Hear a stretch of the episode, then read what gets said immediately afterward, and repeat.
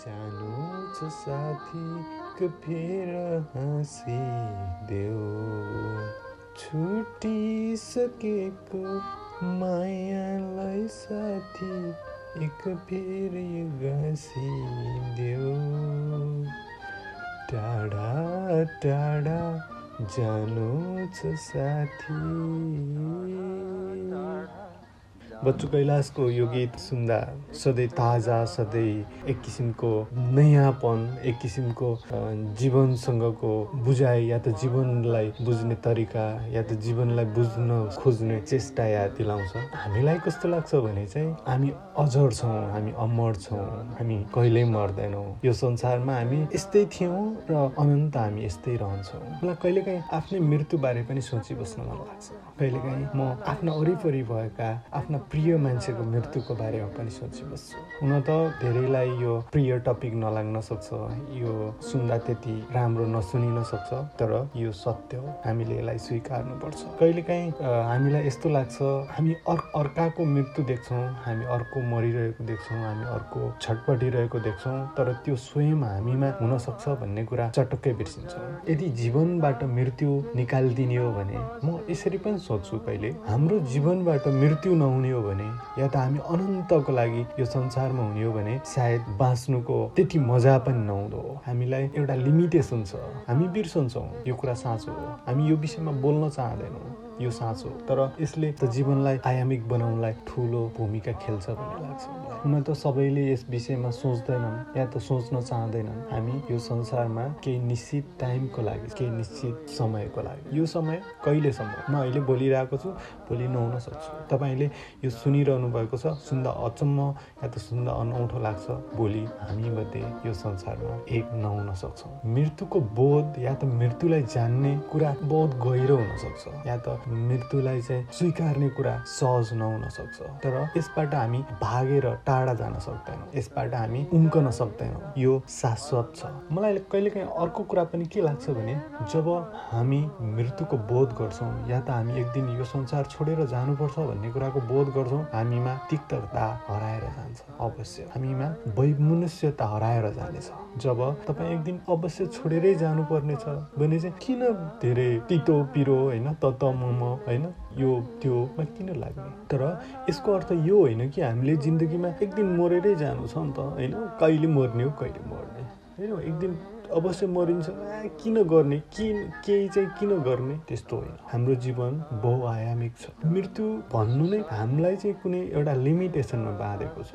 हामी अनन्तको लागि होइन। एउटा लिमिट समयको लागि हो। त्यो लिमिट समयभित्र तपाईँले आफूले गर्न चाहेका चिज या यो संसारमा तपाईँले दिन चाहेका चिज या त यो संसारलाई तपाईँले दिन सक्ने चिज दिएर जानुपर्नेछ। न कि तपाईँ अनन्तको लागि हो। होइन? तपाईँ पुरै यो संसारमा तपाईँ मात्रै बाँच्नुपर्छ। तपाईँ मात्रै कमाउनुपर्छ तपाईँ मात्रै रमाउनुपर्छ तपाईँ सबै चिज तपाईँले मात्रै गर्नुपर्छ। त्यस्तो होइन जब हामीले यो बारेमा बुझ्छौँ या त मृत्यु बारेमा हामीले चाहिँ सोच्ने हामीले त्यो त्यो त्यो बारेमा अलिकति आफ्नो दिमागलाई आफ्नो सोचलाई लाने हो भने चाहिँ त्यसले चाहिँ मान्छेलाई अलिकति शान्त अलिकति काम अलिकति स्लो बनाउँछ होला। होइन तछाड मछाड आपाधापी होइन हामीले देखिरहेको हुन्छ होइन यो होइन त्यो अब उसले यस्तो गर्यो मैले यस्तो उस्तो होइन देखिरहेको हुन्छ समाजमा चलिरहेको हुन्छ। जब तपाईँ कुनै निश्चित टाइमपछि अवश्य हामी सबै जानुपर्छ भन्ने बोध लाग्छ बोध हुन्छ। त्यसपछि हामी या त कोही कसैको को भलो किन चिताउने? एक दिन त जानु नै छ होइन? कसैको नराम्रो किन चिताउने?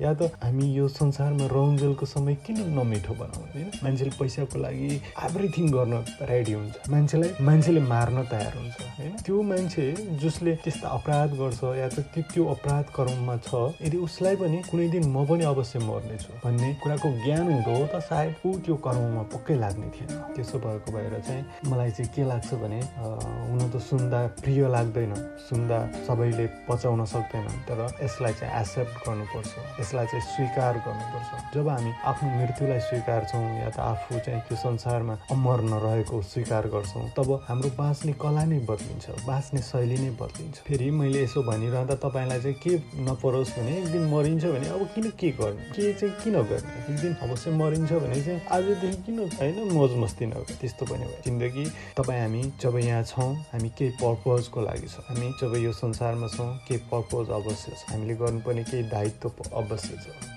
हामीले भावी संसारलाई दिनुपर्ने तमाम कुराहरू छन्। त्यो हामी गर्न नछाडौँ। मलाई कहिले काहीँ लाग्छ सबै मान्छेले म मर्छु भन्ने उसलाई चाहिँ पूर्ण चेत भयो भने उसको बाँच्ने शैली नै चेन्ज हुन्छ। उसले चाहिँ जिन्दगीमा आफूले गर्ने चिजै चेन्ज हुन्छ। त्यसो भएको भएर चाहिँ मैले चाहिँ आजको यो बसाइमा तपाईँलाई के मात्रै भन्न खोजेको भने हामीले कहिले काहीँ देख्छौँ होइन? फेसबुकमा सामाजिक सञ्जालमा होइन? कोही कोही मान्छे मरेको या त केही घटना भएको समाचारको त होइन? यति यति फास्ट आरआइपी लेखिदिन्छौँ। तर के स्वयं त्यो आरआइपी लेख्ने तपाईँ हामी म जस्तालाई त्यो मृत्युको बोध छ? आरआइपी नलेखौँ भनेको होइन लेखौँ होइन। कसैको मृत्युमा हामी चाहिँ दुखी नहुने या त मृत्युमा हाम्रो चाहिँ एक किसिमको समवेदना चाहिँ किन नहुने? हुनुपर्छ अभियसली तर सँगसँगै के पनि भुल्नुहुन्न भने यो संसारमा मृत्यु अवश्य छ। या त मृत्यु सबैको हुन्छ। होइन त्यसो भएको भएर चाहिँ यो यो कुरालाई चाहिँ हुन त यो अलिकति गहिरो कुरा अलिकति भास्ट कुरा भएको भएर जीवन भोगाई या त जीवन जिउँदै गर्दा या त जीवनको जिउने कलालाई कला सिक्दै गर्दा या त जीवन जिउने आफ्नो स्वभाव आउँदै गर्दा एउटा चाहिँ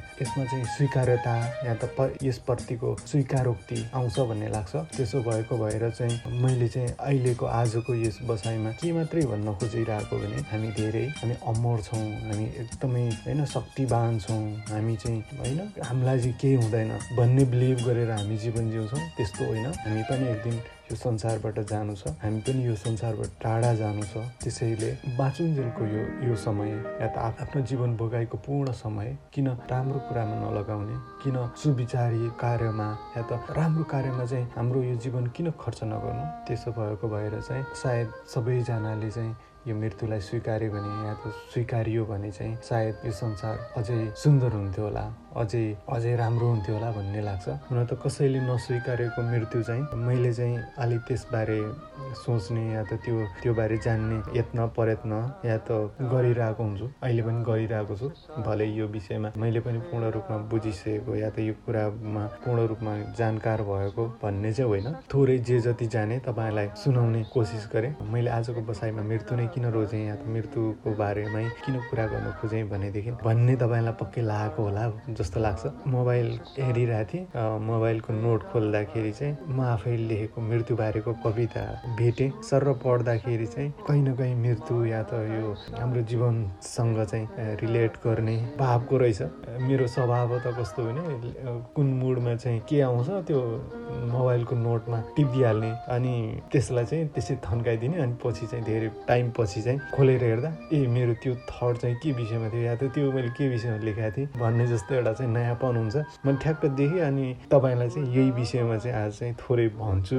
या त यही मेरो कविता चाहिँ तपाईँलाई सुनाउँछु भन्ने चाहिँ लाएर फटाफट यो रेकर्ड गर्न थालिहालेँ। त्यसो भएको भएर चाहिँ अब त्यो कविता तपाईँलाई सुनाइन भने त यो मैले यत्रो बेर गरेको कुराकानीको खासै मजा हुँदैन जस्तो लाग्छ। त्यसो भएको भएर म तपाईँलाई कविता सुनाइहाल्छु। है त।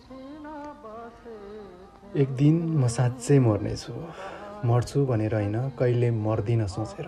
हामी सबैले यसै सोच्छौँ नि होइन कहाँ मर्छु भने त दिमाग कहिले आउँदै आउँदैन। एक दिन म साँच्चै मर्नेछु मर्छु भनेर होइन कहिल्यै मर्दिनँ सोचेर एक दिन म साँच्चै मर्नेछु। लाख तारा आकाशबाट झरिजाउन् अथाह पानी कर्णालीबाट बगिजाओस् रुखबाट पात हिमालबाट हिउँ सबै सकियोस्। तर म कहिल्यै सकिने छैन। सोच्दा सोच्दै म एक दिन साँच्चै सकिनेछु। आर्यघाटको चितामा अर्कैको लास चल्छ दुर्घटनामा परि अर्कैको ज्यान जान्छ काल आउँछ र अरू कसैलाई टिपी लान्छ। म त अजर छु दुनियाँ जित्ने तागत मैसँग छ घमण्डको बोझ बोकी हिँड्दा हिँड्दै एक दिन म साँच्चै मर्नेछु। यसरी साँच्चै मर्नेछु भन्ने खालको चेत सबैलाई आओस्। यतिन्जेल सुनिदिनु भयो यहाँलाई धेरै धन्यवाद।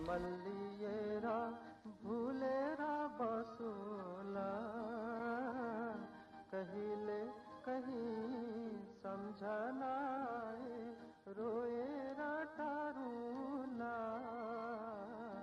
रोए रटारू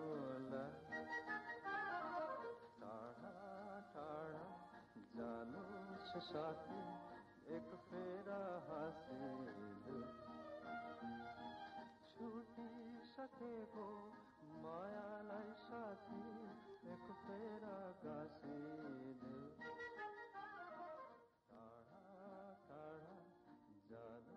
साथी